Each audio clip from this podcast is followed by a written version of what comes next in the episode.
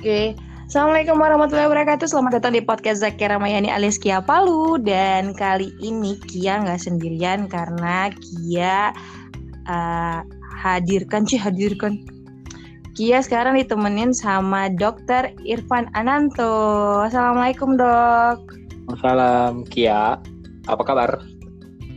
Alhamdulillah baik. Kalau dokter bagaimana? Alhamdulillah baik. baik ini baik dalam tapi kalau tidak usah ditanya sih. Semua pasti tahu para tim medis ini uh, pastinya lagi apa ya? Lagi kelelahan ya? Hmm, kelelahannya tidak juga waspadanya tidak yang lebih banyak. Oh ada rasa was-was?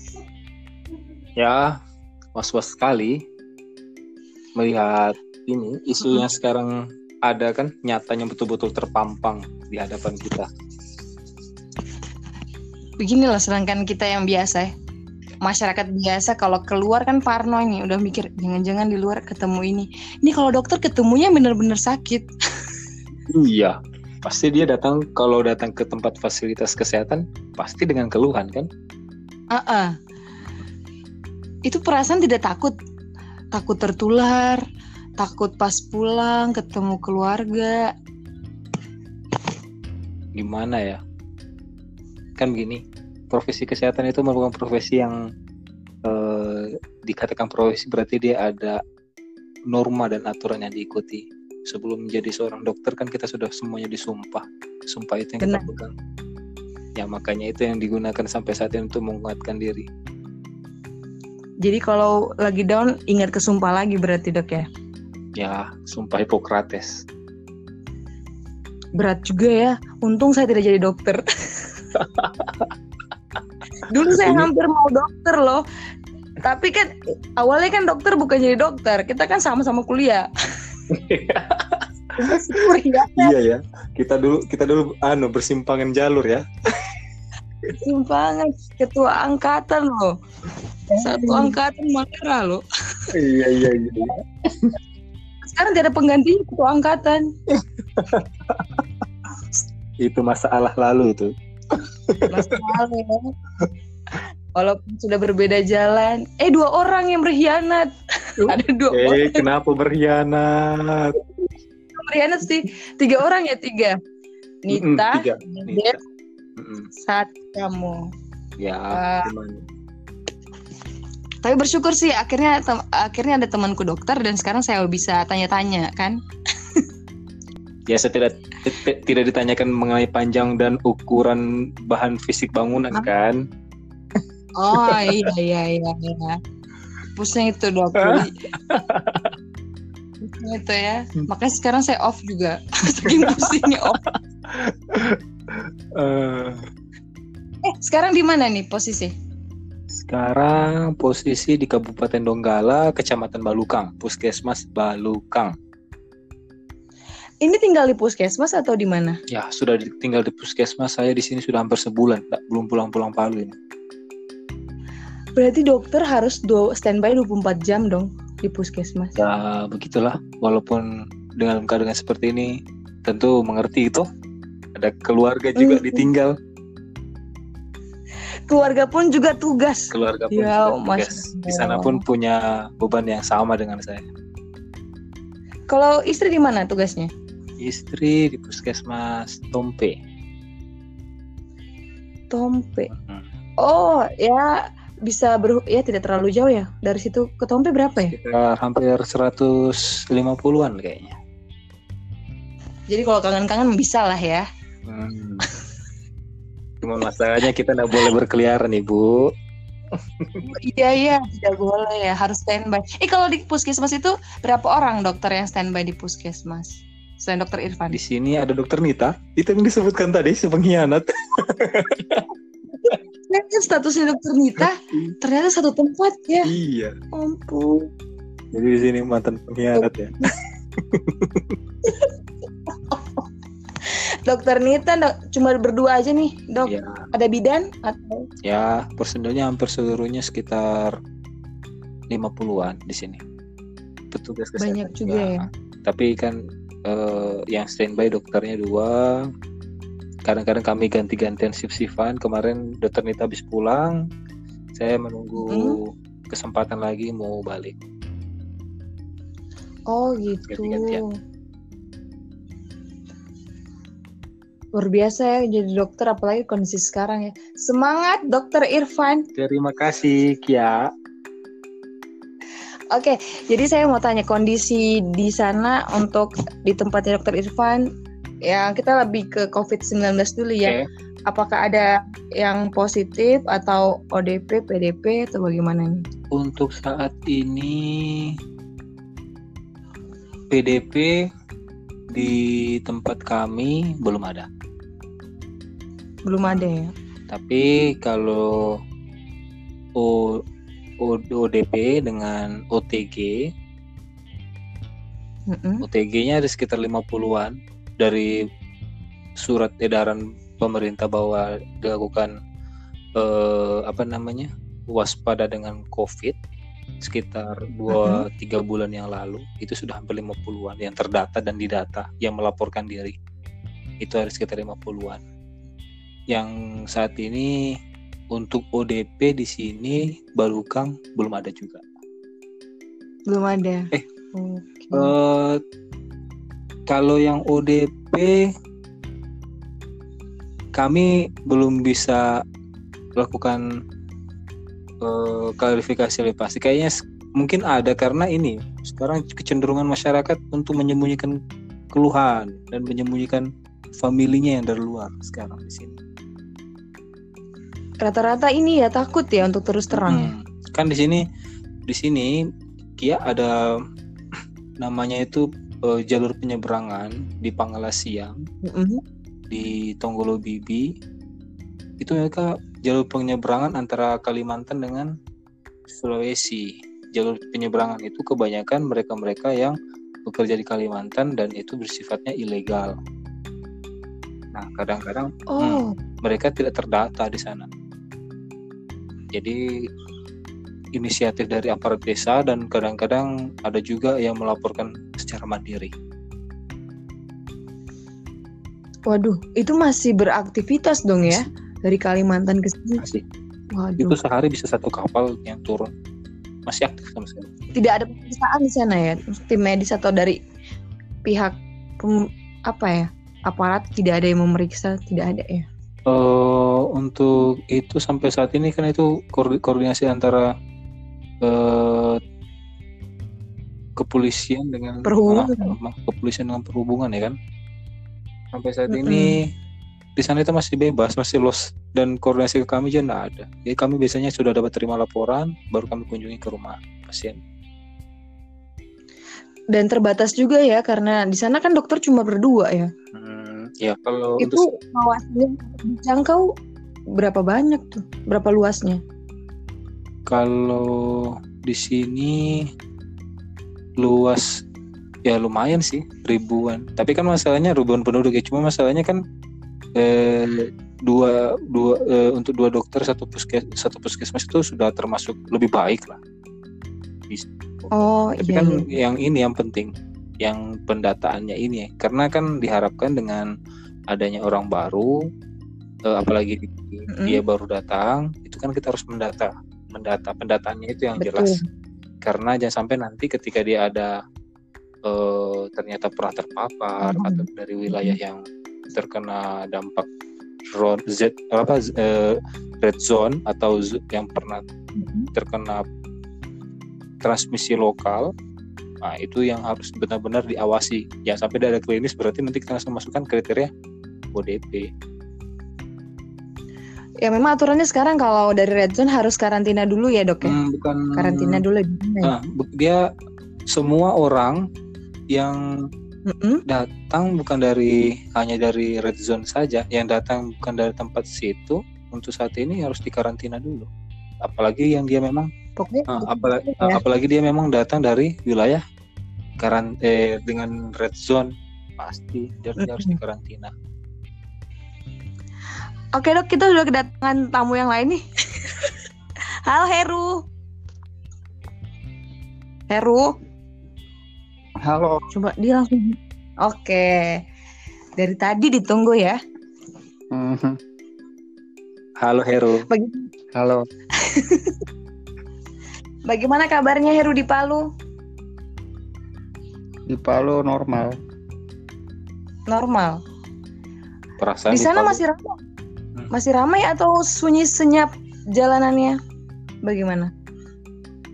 Kalau jalan jalan kurang tahu kan saya di rumah. Terakhir keluar kapan, Pak? Tidak pernah keluar ya? Tidak pernah. Ya. Ya, Om. Tapi dia ini bagus loh Pak Irfan, Dokter Irfan dia ini sangat patuh. Ah, Disuruh 14 di rumah dia satu tahun di rumah. ya. Bisa dimengerti. Oke, Dokter Irfan lanjut ya. Eh, berarti tadi 50 orang yang masih terdaftar 50-an, 50-an. 50-an dan Total. kemungkinan pun masih bertambah ya. Mesti bertambah. Tapi kan dari 50-an itu sudah ada yang sudah ada selesai karantina 14 hari. Oh iya. Kan itu yang dari dua bulan yang lalu datanya dikumpulkan sama sekitar 50-an. Oke, berarti kalau sudah kalau dia sudah eh, dua ming eh, 14 hari ya, Ya. tidak ada gejala apa pun, tidak ada keluhan juga, berarti nyatakan aman ya. Aman. Nah, tapi tapi kan itu juga amannya masih juga perlu kewaspadaan. Ya karena kan biasa tubuh orang beda-beda ya. Karena dia kadang tidak bergejala. Ah, itu yang bahaya. Itu yang bahaya.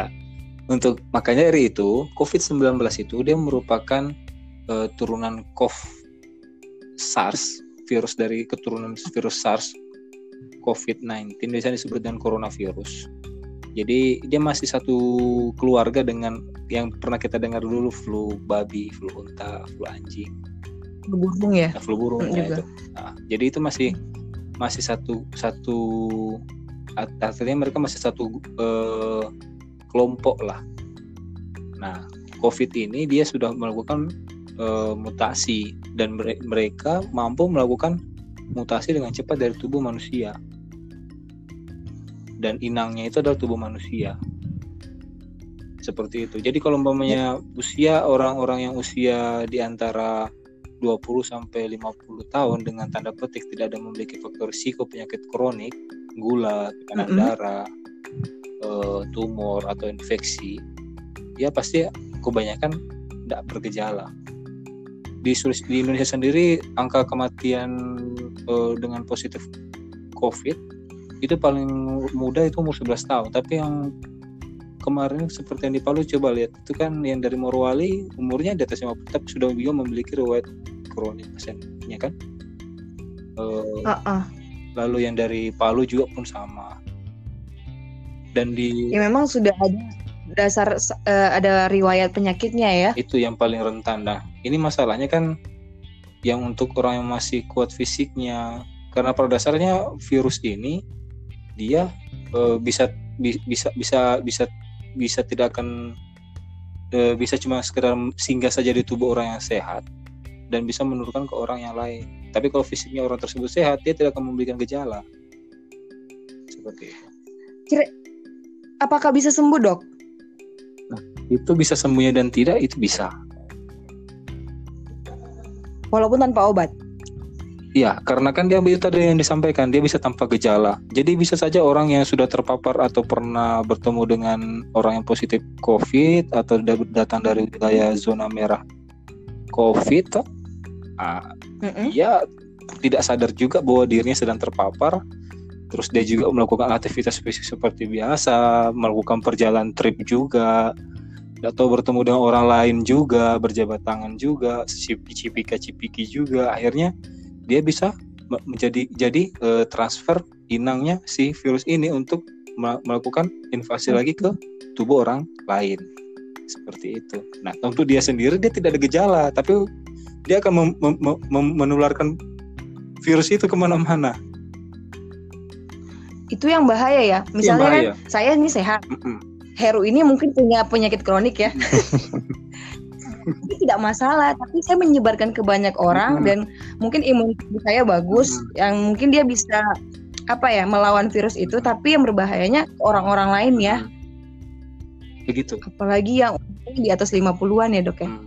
di atas yang manula atau manula atau lansia dan memiliki riwayat penyakit eh, kronik ya, ya metabolik ya metabolik yang kronik itu biasanya sangat-sangat rentan seperti itu. Oke, Heru, Heru, ada yang mau ditanyakan ke Dokter Irfan? Itu kalau misalnya orang-orang yang tanpa gejala itu kan, terus kira-kira kapan dia bisa dinyatakan sembuh kan kalau misalnya apa dia eh, juga dalam 14 hari itu sembuh Mhm. atau kan katanya harus karantina 14 hari. Nah, kalau misalnya orang tanpa gejala yang maksudnya dia sudah dia jadi inang corona. Itu kalau misalnya dia stay 14 hari di rumah, Mhm. itu dia langsung sembuh atau tetap jadi inang.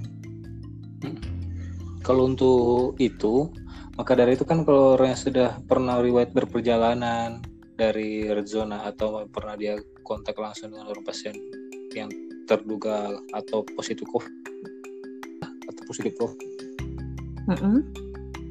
maka dia harus melakukan karantina diri mandiri sendiri di rumah.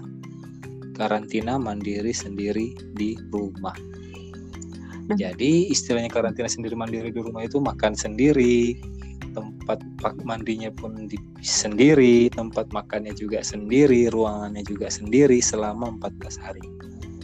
Setelah 14 hari, Hmm. bila tidak ada keluhan, eh, berarti dinyatakan memang orang ini eh, aman, safety. Sembuh ya, Dok? Nah, untuk sekedar informasi, hmm, untuk sekedar informasi dari spesialis divisi spesialis paru juga sendiri menyatakan dia harus sampai 28 hari, satu Hmm. bulan berarti dikarantinakan.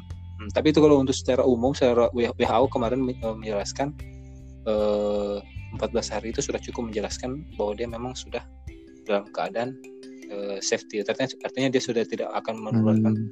atau eh, dalam keadaan sudah eh, dalam keadaan yang sehat yang yang baik fisiknya gitu. Oh, kayak gini. Kemarin kan ada artis yang yang sempat dinyatakan sembuh. Jadi dari rumah sakit utama dia pindah ke Wisma Atlet dulu. Dikarantina lagi dua minggu di sana. Setelah itu dia dipulangkan di rumah kan, tapi di rumah harus karantina lagi dua minggu. Berarti memang ada tiga step yang harus dilakukan sebelum betul-betul dinyatakan sembuh ya dok ya. Jadi kamu gini, dia tadi kan karantina dua minggu. Heeh. Nah, selama dua minggu eh, ternyata dia positif. Itu begitu atasnya, atasnya kemarin begitu kan? Ah, Dia- ah. Jadi di- dinaikkan levelnya jadi- PDP. Iya. PDP dilakukan intervensi terapi dengan dengan dengan tenaga tenaga medis yang keteram, memiliki keterampilan khusus, dokter spesialis pula dengan ruangan yang steril dan eh, diisolasi juga ruangannya. Nah, ketika dia dinyatakan sembuh di situ dari hasil pemeriksaan PCR atau swabnya, dia akan diturunkan lagi dua minggu lagi dilihat masa inkubasinya mem- apakah memang dia eh, turun atau rekuren. Kalau memangnya aman, diturunkan lagi dua minggu lagi. Jadi hampir hampir itu dia pembalikannya itu hampir sama kayak waktu rating pening- rating dia dari awal terkena sampai dia dijadikan PDP. Jadi kan gitu. Ketika dia dikatakan OD OTG dua minggu dulu, baru habis itu dua minggu lagi lakukan pemeriksaan, baru bisa turun lagi nanti dua minggu dua minggu lagi sampai dia benar-benar hasil pemeriksaan terakhirnya itu adalah negatif. Oke. Oke Heru, ada yang mau ditanyakan lagi? Eh, Si ngomong-ngomong kenapa jadi tegang? Menyeramkan materinya memang ya. iya, memang ini suram kan masalahnya ke Iya. dampaknya ke mana-mana. Iya sih. Tapi untuk Heru kayaknya tidak tidak berasa Oh, dampak. dampak proyek-proyekku banyak yang di cancel. apa. Oke, saya mengerti Bapak kan main main di belakang layar uang Hmm. bercucuran di rekening kan. Walaupun kan saya kerjanya dari rumah, tinggal tunggu order. Tapi ordernya kan makin sedikit kena dampak juga kan. Oke, berarti berasa juga ya. Berasa juga Berasa, ternyata ya. berasa Hampir Masuk. Hampir semua berarti. Kalau kita berasanya tuh nggak ada orderan, nggak ada kerjaan, tapi lain hal dengan dokter Iya, ya. kalau Makin, dokter. makin banyak kerjanya. ini yang paling lucu lagi kalau kalau pas lagi keliling-keliling naik am- kamu kan kamu di sini ada ada sekitar memberikan himbauan pakai itu pakai ambulans itu teriak-teriak dari dari dusun ke dusun kan menghimbau masyarakat untuk tidak me- melakukan social distancing dan bla bla bla Hmm. bla gitu kan terus mas- masyarakatnya itu gini kita sementara lewat mereka sementara kumpul-kumpul buat ini buat minyak goreng "Ih, kenapa itu teriak-teriak pas mereka lihat dokter yang turun mereka berhamburan wah lucu sekali Terus kalau dokternya pulang, mereka kumpul lagi. Iya kan minyaknya belum jadi. Minyak goreng dibuat. Ya Allah, tapi bagaimana ya dok? Soalnya kan itu kan mata pencarian mereka juga kan. Sulit juga sih. Iya. Hmm. Ini makanya harus betul-betul kita lintas sektor. Artinya bukan hanya dari kesehatan juga, harus ada dari keamanan dari Polri, TNI mengamankan. Tapi alhamdulillah kalau untuk daerah Sojol, saya salut untuk Babin Kaptipnasnya, Pak Asis, Pak Lukman, itu eh, Pak Denny itu luar biasa. Mereka selalu aktif. Babin Kaptipnas ke- dan kepala kepala desanya juga lumayan eh, perhatian kepada masyarakat masyarakatnya. Sebenarnya kan kalau di kota itu kan eh, ya kemudahannya jaringannya bagus. Kalaupun kerjaan misalnya di kantor kan bisa di rumah, mereka bisa pakai aplikasi ya macam-macam ya. Tapi kalau di desa kan dari jaringannya apa di tempat saya ya ampun. Kadang-kadang tengah malam aja bagus. Listriknya Mak. Oh, gitu. Dia- dia suka. Terus eh, ya pendidikannya pun tidak merata kan. Banyak kan yang lulusan SD itu pun banyak juga yang tidak sekolah. Itu agak susah juga untuk sosialisasinya kan dok. Iya. hmm.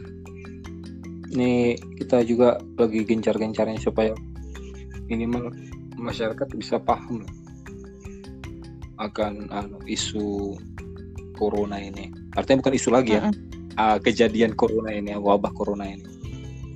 Seperti itu harus dipahamkan secara baik-baik. Kalau di sini dok, ya di di Morowali Utara ini banyak yang bilang gini, saya sudah berjemur tiga jam, itu virus mau mati.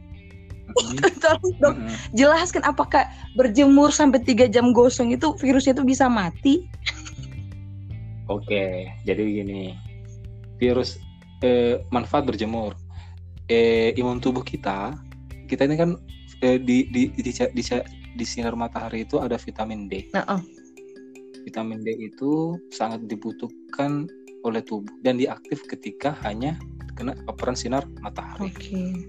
Nah, ketika dia aktif akan terjadi sis- sistem metabolisme yang, yang mana vitamin D ini untuk sintesis juga eh, peningkatan daya tahan tubuh. Jadi fisik kita akan jadi lebih baik. Itu yang pertama dari tubuh. Yang kedua, kuman kuman eh kuman maaf virus COVID ini dia tidak tahan eh, pada suhu dia hanya bisa tahan di, di, di bawah suhu 27 derajat Celcius. Oh, bila lebih daripada itu dia akan mati. Tapi tunggu dulu dia mati kalau tidak ketemu inangnya. Tapi kalau ketemu inangnya ya tetap juga. Oh gitu. tetap juga iya. Nah kurang ajarnya virus ini ketika dia sudah menempel di benda mati itu dia bisa tahan sampai berhari-hari. Contoh plastik itu gagang pintu eh, seperti dompet. Jam ya, Arlo. uang, jam, ya seperti itu tas. Yang yang apalagi yang bersifat benda-benda mati yang bersifat plastik begitu dia akan le- lebih lama dia tahan di situ. Aja ketika di, menempel lagi dengan orang lain dia bisa melakukan transmisi lagi. Tapi yang kita yang perlu ketahui kan dia ini transmisinya melalui droplet. Artinya ketika ada orang bersin dia bersama dengan dropletnya bisa masuk. Nah, di udara itu dia bisa ngambang-ngambang. Ngambang-ngambang menempel di tempat makanan kah, di pintu kah. Maka dari itu untuk seluruh masyarakat sekarang diwajibkan gunakan masker untuk agar, agar bisa menerima pelayanan baik itu di kesehatan maupun di tempat-tempat lain. Jadi sekarang kan sudah di- dicanangkan wajib menggunakan masker kalau keluar dari rumah. Nah, tujuannya seperti itu karena ketika dia dengan droplet bentuk droplet itu dia bisa terbang-terbang ke sana kemari.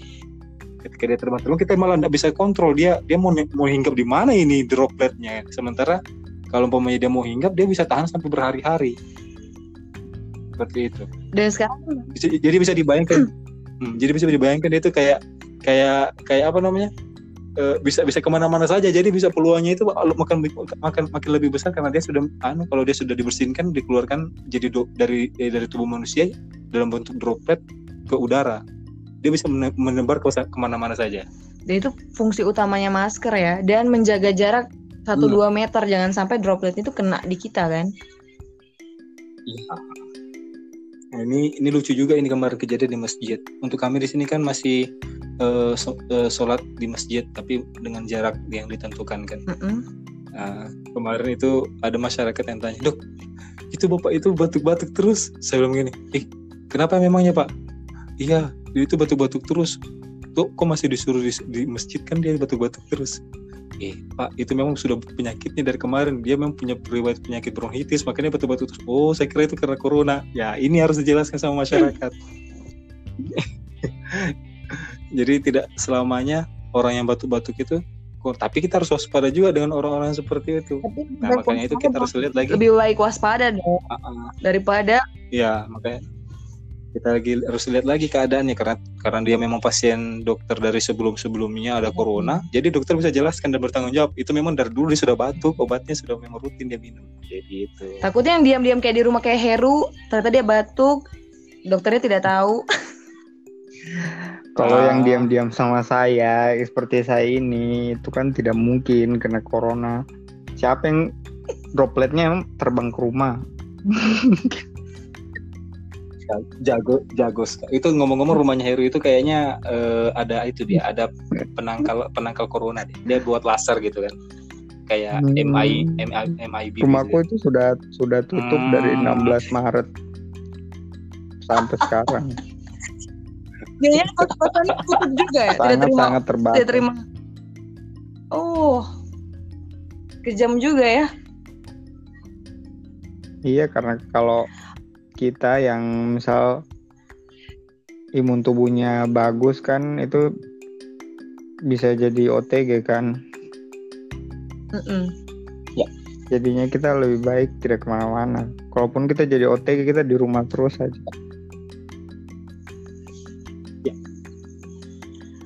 Ini kondisi, Betul kondisi di tempat saya itu dok lagi ini ya. Kan kan di Sulawesi Tengah uh, Merawali Utara yang paling banyak. Penyumbang penyumbang perso paling besar. Itu kemarin dalam satu malam langsung jadi wis langsung 20-an waduh.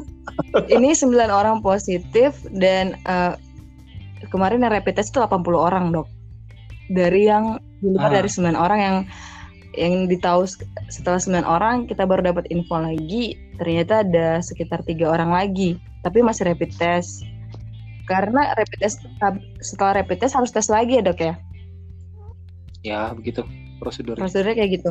Untuk cuman yang sekedar info juga yang meresahkan hmm, ini dok kita uh, meminta data pasien ternyata dari pihak RS-nya dengan alasan uh, ini tidak boleh diinformasikan karena uh, melanggar dari aturan medis kayak gitu. Apakah benar dok? Ya, jadi setiap uh, pasien itu dia punya data rekam medis. Rekam medis itu yang boleh meminta memang hanya pengacara atau memang keluarga pasien. Selain itu memang tidak boleh dimintai datanya. Dan yang kedua, isu, eh, apa namanya kejadian eh, wabah corona ini kan bisa jadi juga eh, pengucilan sosial. Ya betul. Masyarakat di kalau di kalau, di masyarakat sini kalau masyarakat kan pada umumnya kalau sudah dengan uh, coronavirus itu jadinya seolah ini ini anu ini harus di anu nih harus diasingkan ini. Jadi untuk menjaga itu terjadi biasanya pihak rumah sakit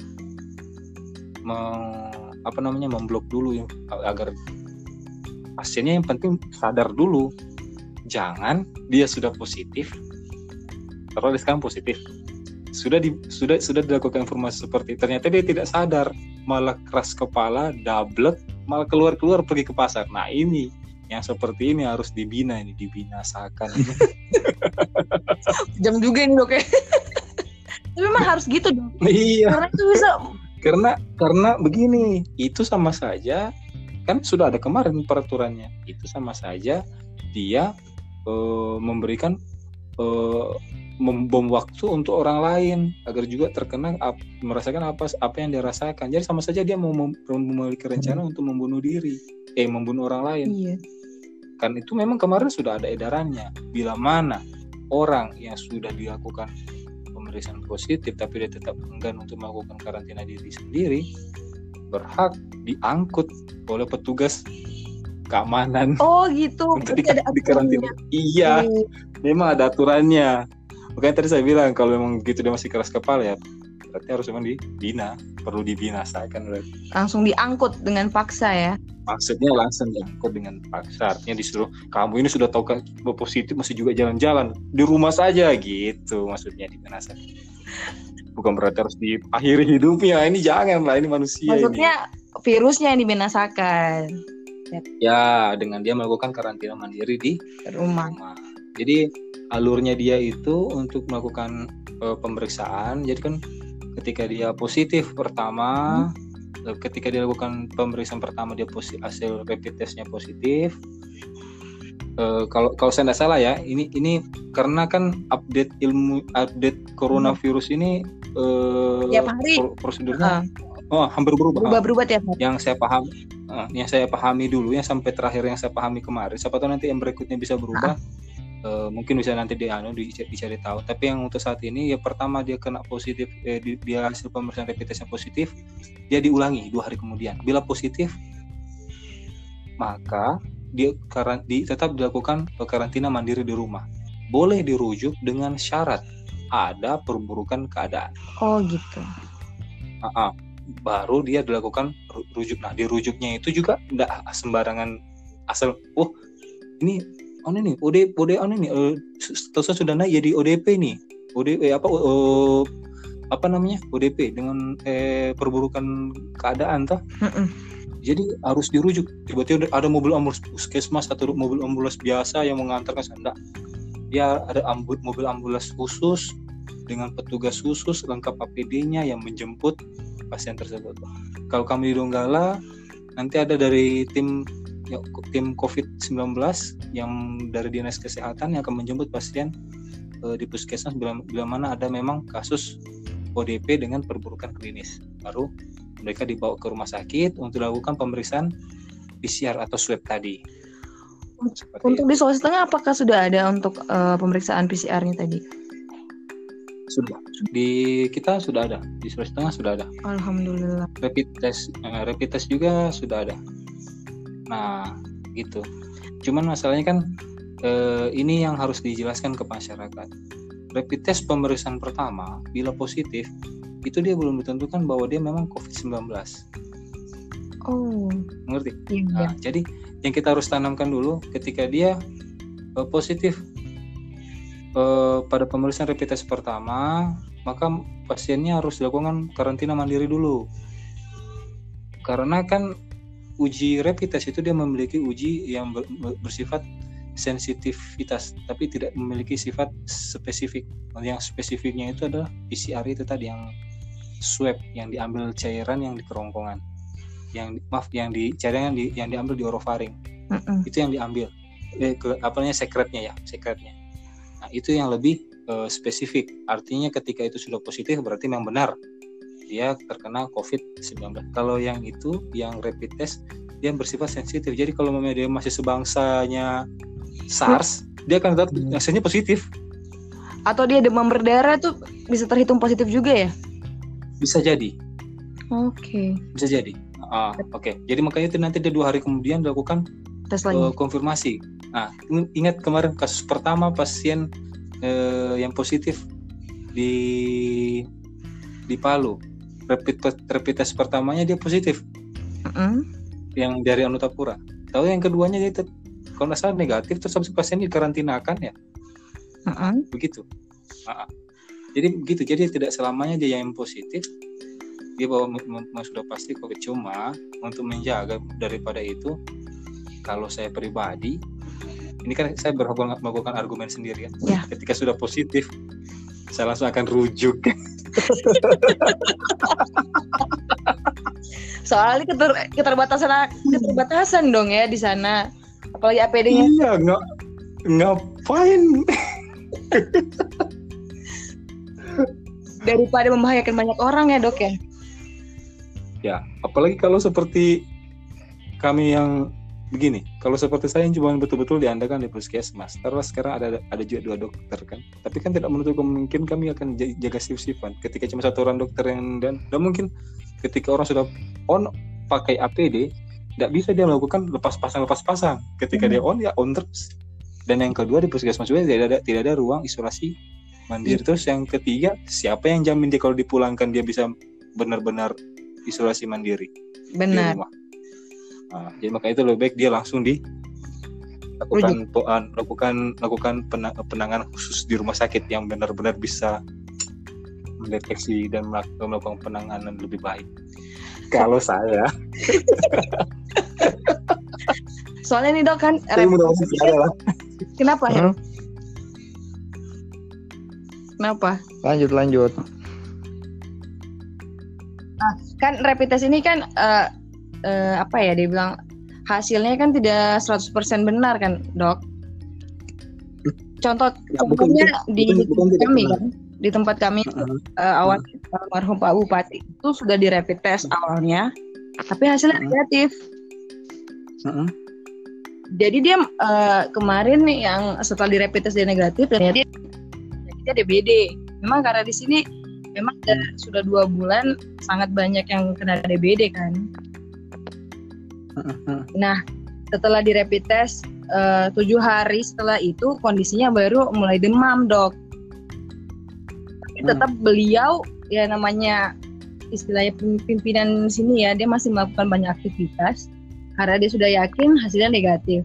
Dan ternyata setelah tujuh hari kondisinya memburuk, tiba-tiba demamnya tinggi, 39 derajat, dan langsung sesak napas setelah dicek ternyata paru-paru sudah ter hmm. terisi cairan gitu kan kondisi hmm. di sini dan akhirnya karena keterbatasan tidak ada uh, alat uh, swab apa PCR akhirnya dirujuk ke Makassar nah yang ini yang hmm. jadi yang ternyata yang buat kita hanya panik bapaknya sudah meninggal hasil PCR-nya keluar nanti besoknya dan hmm. ternyata sudah banyak yang terkena satu orang bupati akhirnya uh, dicek lagi 8 orang dari anggota keluarganya istrinya anaknya dua orang dan teman ada juga kepala dinas yang terkena dok. Jadi memang benar-benar apa ya kalau memang di hasilnya pun negatif harusnya tetap dikarantina ya dok ya? Iya. Apalagi dengan apa namanya orang-orang memiliki risiko tinggi untuk seperti itu ya yang bertemu dengan orang yang random Bener. terus uh, dengan jam kegiatan mobile kan artinya tidak stay di satu tempat Benar. Uh. Berarti ini rapid test itu dia lebih memang. ke PCR saja daripada rapid test negatif positif kita masih ngambang dong ya masih ragu-ragu juga. Ya harapannya kami pun sama sih ya kami juga di sini uh, saya juga sempat berunding-runding ya dengan beberapa dokter, hmm. beberapa sejawat dan ada juga beberapa spesialis. Kalau memang seperti itu, kita keterbatasan sama anggaran hmm. anggaran uh, anggaran negara. Untuk pemeriksaan rapid test saja itu kami di sini dibatasi bayangkan satu kabupaten hanya 100. 100. Iya, untuk rapid testnya. Itu sudah menghabiskan anggaran hampir ya berapa ratus juta gitulah nggak sampai satu m sih tapi ya bunyi bunyinya hampir setengah setengah m gitulah gitu. kabupaten kan? Hitung aja berapa kabupaten ya masalahnya kan di sampelin cuma ada 100 bener. Nah begini di, di tempat saya saja sendiri orang yang statusnya tanpa gejala hmm. itu sudah 50-an belum tempat lain. Bener. Nah, kalau harapannya kami gini begini dia bisa negatif kan itu yang diperiksa adalah uh, out, uh, antibodi ya, tubuh. Antibodinya. Antibodi tubuh. Antibodi tubuh itu ketika dia terpajan, dia akan dia akan memerintahkan tentaranya untuk melakukan uh, kayak di terminal begitu dia akan berjejer tentaranya dia ini benar kayak ini aneh ini membahayakan tidak ini untuk masuk ke uh, dia mau masuk tubuh ini kira-kira membahayakan tidak ketika ada membahayakan nah fase untuk registrasinya dia di terminal itu uh-huh. dia antara 3 sampai empat hari. Oke. Okay. ah ketika dia sudah sudah ternyata ternyata ini pemberontaknya ini lebih kuat nih virusnya lebih kuat dibanding tentara nih dia masuk sendiri menerobos virusnya ketika dia menerobos dideteksi sebagai eh, tanda-tanda bahaya oleh tubuh nah tanda bahaya tubuh itu bisa muncul gejalanya nanti pada hari ke 7 sampai 10 nah pada saat 7 ke sampai 10 ini dia akan melakukan pemeriksaan rapid test yang sangat baik cuma masalahnya kita yang tidak bisa tahu itu sejak kapan dia mulai Benar. Ah, itu. Makanya kalau saya lebih baik itu re, apa rapid test itu disediakan saja di di puskesmas. Jadi setiap ada orang yang datang yang mendata langsung saja dites. Kalau kalau ada, ada dengan dengan keadaan eh, tadi ya demam lebih dari 38 derajat Celcius, batuk sesak, lemas, letih lesu dan dia memiliki riwayat perjalanan langsung saja. Salah satunya ada langsung di swab saja supaya lang, eh, di, apa namanya dilakukan pemeriksaan rapid test saja supaya ditahu. Karena dia ketika sudah ada gejala pasti sudah bisa ditentukan oh ini sudah ada di hari antara rentan hari ke eh, ke 7 Hmm. sampai ke 10 hari setelah inangnya melakukan invasif ke tubuh seperti itu. Nah mungkin itu kasusnya pada pada almarhum itu kalau saya sih kalau saya dia negatif karena memang hasilnya masih eh, terkelabui dengan DBD-nya tadi. Iya, benar-benar. Hmm. Atau memang belum terbaca Jadi imunnya belum ini ya. Atau mm, atau dia memang belum terbaca. Jadi begitulah anunya kisaran kasarnya kalau menjelaskan. Karena kan kalau kita menjelaskan eh, eh, antibody gitu kita akan menjelaskan bahasa interleukin 8 12 itu. Itu yang yang mendeteksi virus itu IgM IgG itu yang akan berperan penting dalam menentukan apakah dia memang terkena infeksi virus. Terus kalau di dalam darah rutin dia ada eosinophil basophil monosit itu yang akan bisa kita lihat sih untuk melihatnya apakah ini dia memang virus atau memang bakteri seperti itu. Oke, berarti memang berarti sekarang yang tadi dok bilang rapid test itu terbatas. Jadi yang dilakukan pemeriksaan pun kalau gejalanya sudah eh, hampir mendekati ya, sesak nafas, demamnya. Ada, bukan ada virus ada. Ah. Karena eh, takutnya dipakai sama orang yang ternyata cuma penyakit lain misalnya kan. Itu bisa bahaya Hmm. juga ya. Dia dinyatakan positif padahal penyakitnya lain. Misalnya kayak gitu. Iya, Dan juga rugi. iya. Soalnya cuma 100, Dok. Semua 100. Itu itu yang disediakan oleh pemerintah. Satu setengah Di sini tuh yang untuk. Kita 80 orang. Itu terakhir datanya 8 eh, minggu lalu. Saya tidak tahu sih kalau yang terakhirnya sekarang. Karena memang banyak sekali kan yang ketemu eh, almarhum kemarin dari instansi semua, jadinya rapid test semua akhirnya. Ya, itu semua kan kebijakan kebijakan pemerintah daerah masing-masing sih. Ya. Karena kan itu dia uh, uh, yang ditanggung. Bahasanya begini, ya itu yang ditanggung pemerintah. Oke. Nah, kalau mau tidak ditanggung berarti daerah sendiri yang menyediakan dengan anggaran daerah sendiri. Mudah-mudahan semua anggaran daerah itu cukup ya. Misalnya menyediakan setengah dari jumlah penduduknya rapid test.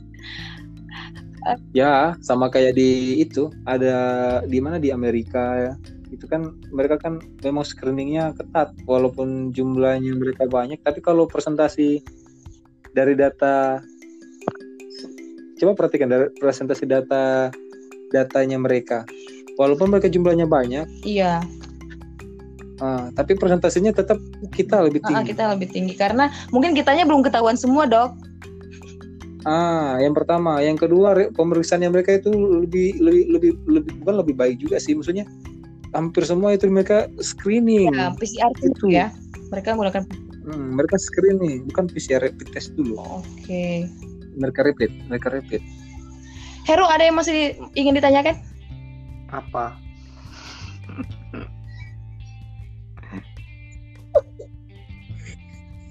Nah, dia sibuk dengan dunianya sendiri itu, Kia. Mm. Atau dia masih memikirkan? Tidak, dia nanti kasih pertanyaan yang paling bersa tahu ini, Heru. Yang Kayaknya Heru sudah tahu semua. tidak tahu semua lah kan saya bukan ahlinya.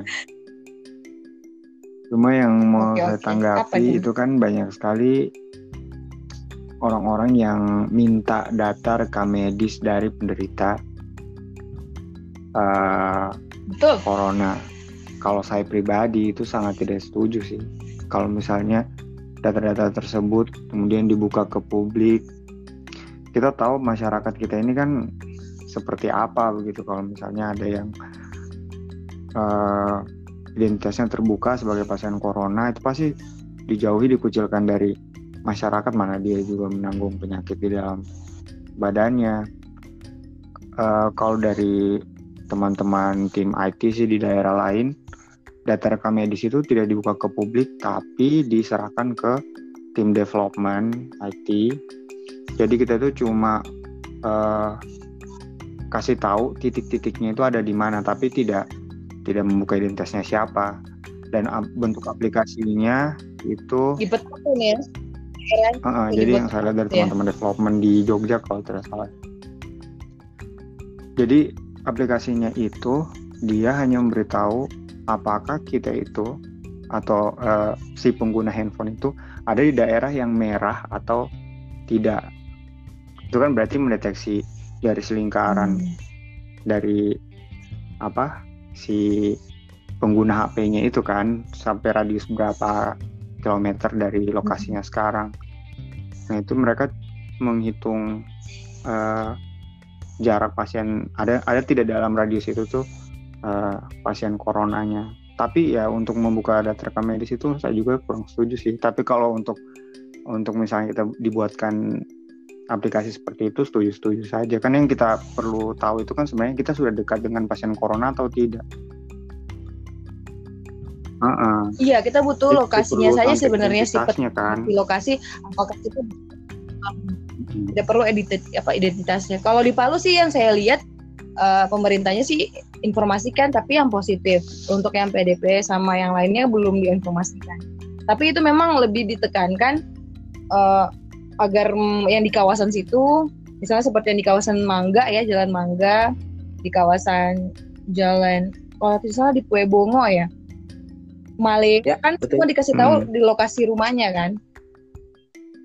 Itu untuk uh, kitanya ya. itu lebih berjaga-jaga sebenarnya. Walaupun tidak tapi tergantung dari pemerintah sih. Masing-masing daerah kan punya ini masing-masing kan. Kebijakan masing-masing. Tapi masalahnya tidak tidak masyarakat tidak masyarakat Indonesia kalau nggak susu orang bilang tapi kalau kalau boleh itu kalau boleh itu dia berdiri depan rumahnya itu sambil sambil sambil lihat yang mana orangnya yang kena ini. Oh itu sudah kalau sudah oh itu dia. Oh gitu dia tuh. oh iya apa dia itu sudah hmm. akhirnya bakar lota depan rumahnya pasien itu dan, dan menjauh dia cuma malah mendekat kan saking penasaran hmm. parah parah ya gitulah masyarakat Nggak senang dia, nggak senang dia kalau nggak mau klarifikasi sampai ke akar-akarnya. Aduh, aduh, parah parah. Oke dok, ini pesan terakhir dong buat yang dengerin kita, mungkin dengerin di Spotify atau di mana untuk masyarakat dari Dokter Irfan.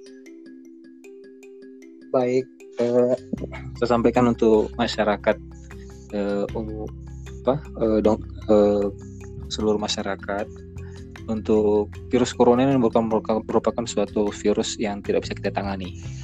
Virus ini bisa kita tangani dengan cara uh, kita harus melakukan uh, social distancing, uh, cuci tangan dengan baik, jaga kebersihan, makan makanan yang bergizi, minum vitamin dan olahraga yang rutin, hindari rokok dan minuman keras. Ini sangat membantu sekali dalam mencegah uh, penyebaran daripada uh, virus corona. Terus untuk pasien, pasien yang sudah dinyatakan ODP, PDP, bagi masyarakat tolong jangan dikucilkan. Mereka itu bukan bukan suatu aib, bukan suatu uh, yang bisa dikatakan oh penyebab dari semua masalah yang akan ada di suatu di suatu, di suatu daerah kalian tempat tempat tinggal kalian. Tidak. Ketika ada masyarakat yang seperti itu, tolong mereka dibantu. Mereka tidak akan lama untuk melakukan eh, karantina hanya 14 hari. Karena ketika dia positif tentu dia tidak akan melakukan aktivitas pekerjaannya tidak ada penghasilannya pun tidak ada. Kita bisa ingat kalau dia punya anak bagaimana anaknya bagaimana istrinya atau suaminya. Atau sebaliknya bila ada yang kena bagaimana perasaan bapak suami eh bapak dengan mamanya si pasien kalau anaknya yang kena ini yang harus kita bantu. Jadi kalau ada yang positif bukan berarti harus kita jauhi malah kita kucilkan. Tidak. Mereka bantu mereka untuk memenuhi kebutuhan hari-hari mereka sambil sambil mereka untuk karantina diri sendiri di rumah. Yang ketiga isu mengenai pasien pasien-pasien dengan corona yang meninggal. Ingat corona ini akan mati sendiri ketika uh, dia uh, apa inangnya juga mati. Jadi uh, dia tidak akan menyebar melalui uh, air tidak akan menyebar melalui uh, tanah. Ketika ada pasien yang meninggal, uh, itu akan ditangani oleh petugas khusus dan uh, dilakukan uh, dengan prosedur yang khusus pula untuk pasien corona dan dimakamkan dengan teknik prosedur yang khusus juga dan masyarakat tidak perlu khawatir bila memang ada di wilayahnya proses pemakaman dengan pasien positif COVID-19 yang kita harus ketahui bahwa pasti wabah ini akan segera berakhir berakhir. Dan eh, pesan saya yang keempat selalu waspada tetap tenang perbanyak berdoa sayangi diri anda dan sayangi keluarga anda. Oke dok. Oke. Okay. semoga uh, eh, okay. uh, eh, pandemi ini segera berakhir. Jadi kita bisa buka puasa bareng lagi dok ya Oke, siap. Wih, puasa ini kayaknya ini susah ini. Agak sulit ya. Soalnya kita di tempat yang berbeda. Bukan itu juga sih masalahnya. Covid-nya ini masih berkeliaran. Tapi namanya berdoa, siapa tahu ada mujizat, Dok. Ya. Mudah uh, selalu berdoa sih. Allah kan tidak akan tidak akan mengkhianati setiap usaha umatnya. Kita selalu yakini itu. Permintaan hambanya, siapa tahu hmm. uh, dari yang deng dari yang dengar ini terus kita doa bareng-bareng, saja ada satu orang yang dia uh, apa dikabulkan doanya kan. Insya Allah, amin. Amin, amin, amin. Terima kasih buat Dokter Irfan. Oh, ya, Dokter Irfan ini juga salah satu dari Departemen Kesehatan Gerakan Milenial Indonesia Sulawesi Tengah. Thank you sudah. Amin terima kasih juga buat Heru selaku IT yang sangat the best. terima kasih Kia, terima kasih Heru. Nanti kita ngobrol-ngobrol lagi mudah-mudahan kalau podcast selanjutnya amin. pandemi ini sudah berakhir ya. Amin amin amin. Amin. Jadi kita bahas topik yang lain lagi. Siap. Oke. Okay. Uh, Oke. Okay. Thank you buat yang dengerin juga podcast Kia. Nanti dengarkan terus podcast Zaki Ramayan LSK Palu di Spotify atau di beberapa platform kesayangan teman-teman semua. Dan Kia mesti pamit. Wassalamualaikum warahmatullahi wabarakatuh. Bye-bye. Bye-bye. Waalaikumsalam warahmatullahi wabarakatuh. Setengah satu. Sudah ini nanti Sudah ini? Iya, sudah, sudah. Oke, dan Oke, bye-bye. Hmm, kalau kalau Heru tidak tidak usah ini istirahat dia, dia mau lanjut. Istirahat. Dadah. Hmm, Waalaikumsalam. Salam.